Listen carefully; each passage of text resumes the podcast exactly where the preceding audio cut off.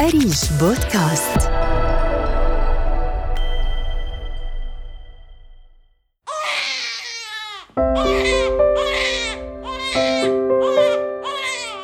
عيناها رأتا النور لأول مرة في حياتها. قطع ما يربطها بأمها. تبكي وتبحث عن حضن أمها ليهدأ روعها. تؤخذ إلى غرفة خداج الأطفال. وتبقى فيها لمدة تصل إلى أربع ساعات وتعطى بديلاً لحليب الأم. ليثور السؤال لماذا حرمت الطفلة من أهم تجربة غذائية وعاطفية بتناول الحليب الطبيعي من صدر أمها؟ بعض المستشفيات تسلط بعض المندوبين اللي بيبيعوا حليب الأطفال. حكوا لي جملة حسيتها بتلعب بالمشاعر لما يحكوا إنه هذا الحليب اللي يناسب ابنك يؤكد المتخصصون أن التوقيت هو العنصر الأهم لتعود الأطفال على الرضاعة الطبيعية. ومع ذلك فالعديد من حديثي الولادة الأردنيين تفوتهم فوائد الرضاعة الطبيعية المبكرة بعد تعودهم على بدائل الحليب قبل تناول حليب الأم. يحدث ذلك في بعض المستشفيات عمدا ومع سبق الإصرار. بالرغم من وجود قوانين تحظر التسويق لأي من بدائل حليب الأم في أي مكان. فكيف يتم ذلك؟ ومتى تكون بدائل الحليب ضرورة طبية؟ وما هي الوسائل القانونية والمهنية والأخلاقية التي تحمي حديثي الولادة داخل المستشفيات الأردنية؟ ميت وات من أريج بودكاست. إعداد تالا أيوب.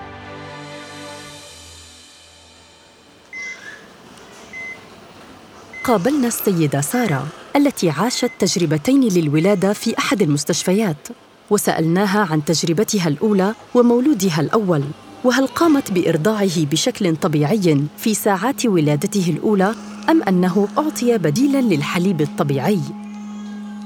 عند الولادة ما كان في كتير وعي للرضاعة الطبيعية كان direct يجيبوا لي ال baby وكان أوريدي شبعان فكنت أحاول خصوصا كتجربة أولى الوضع بيكون شوي صعب كأم.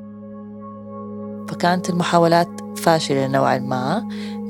قعدت ثلاثة أيام تقريبا بالمستشفى. اليوم الثالث طلعت آه، وبلشت أشتغل على هالموضوع. كان طفلي متعود تقريبا شبه دائم على النينة نفسها على الرضاعة الصناعي.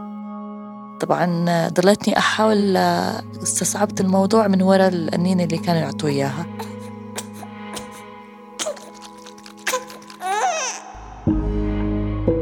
إذا كانت تلك قصة المولود الأول لسارة مع بدائل الحليب الطبيعي، فكيف كانت قصة مولودها الثاني والتي اضطرتها جائحة كورونا للخروج سريعاً من المستشفى، حيث إنها لم تمضي بالمستشفى سوى يوم واحد. خلال اليوم اللي قعدت فيه كان آه، برضه الطفل يجي شبعان. يعني ما عم بقدر أرضعه لأنه already هي هي بتكون شبعانة. فكان الموضوع أني بس طلعت direct من المستشفى. direct وجهت للرضاعة الطبيعي. طبعا بالتنين لما طلعت من طلعت من المستشفى كانت علبة الفورمولا الصناعي جاهزة مع ال baby مع أغراض ال baby مع النينة كمان من عندهم مشان إنه أضلني أواكب عليها. بتذكر لما أعطوني علبة الحليب نفسها حكوا لي جملة حسيتها بتلعب بالمشاعر لما يحكوا إنه هذا الحليب اللي يناسب ابنك. طبعا أنا روحت على البيت وبلشت أمشي عليه شوي شوي بحكم أنه رضاعتي الطبيعية ما كانت وافية خصوصا أول أيام لسه كان البيبي مغلبني.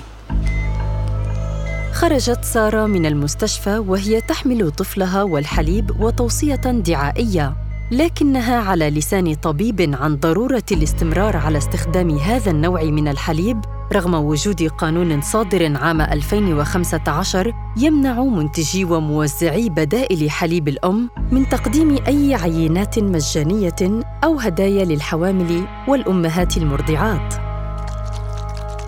لما بلش بالحليب أول يوم تاني يوم أموره تمام ثالث يوم صابه مقص كتير كبير.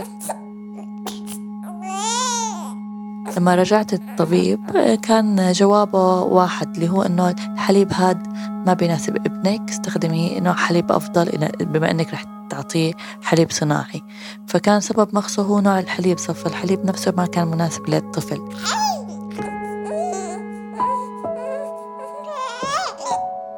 أدت أساليب الدعاية التي تعتمد على اللعب على مشاعر المستهلك إلى أن تقدم سارة بديلا للحليب الطبيعي إلى مولودها مما أدى إلى مرض طفلها وإصابته بآلام في المعدة.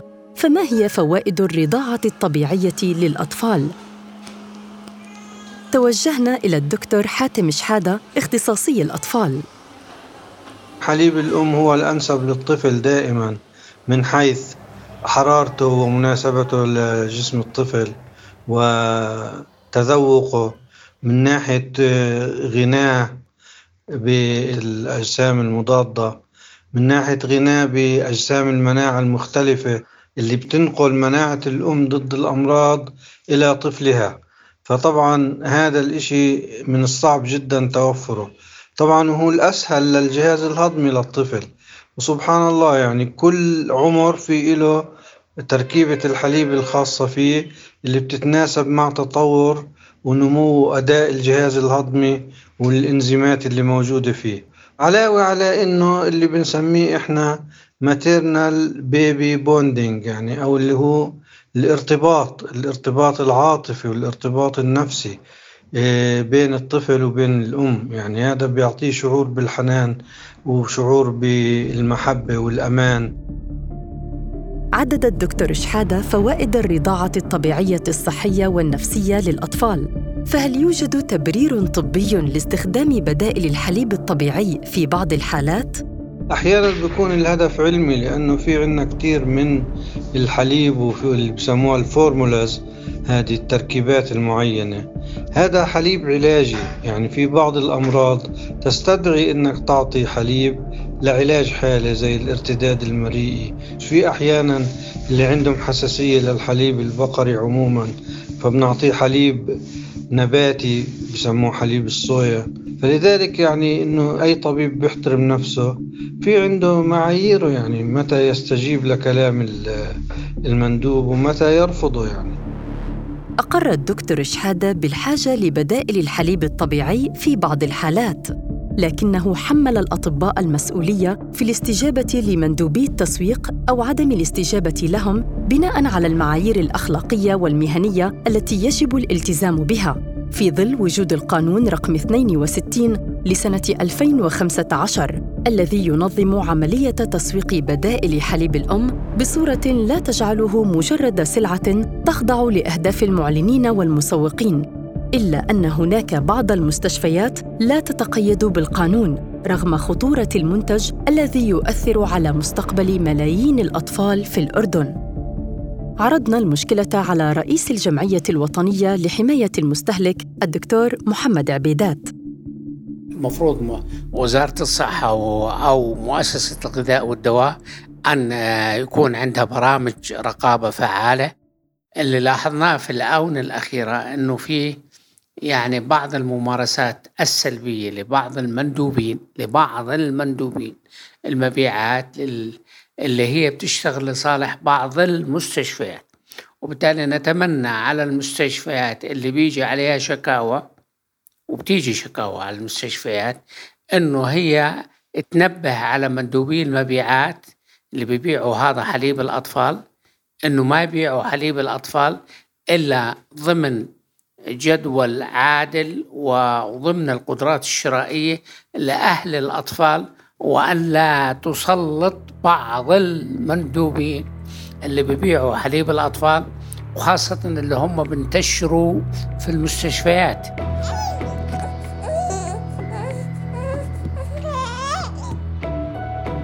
تؤكد اليونيسيف ومنظمة الصحة العالمية على ضرورة الرضاعة الطبيعية للأطفال حديثي الولادة في الساعة الأولى من حياتهم. وقامت المملكة الأردنية بسن قانون ينظم عملية تسويق بدائل الحليب الطبيعي ويجرم عملية التسويق في أي مكان ولو في صورة عينات مجانية أو هدايا من أجل حماية الأطفال.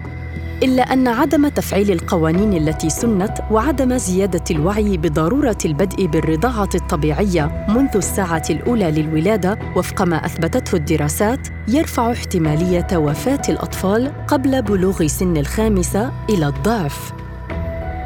قد يبدو الأمر بسيطا وقد يراه البعض اختيارا لكن من يقرأ الأرقام يدرك أنها مسألة حياة أو موت. كان هذا 100 وات من أريج بودكاست.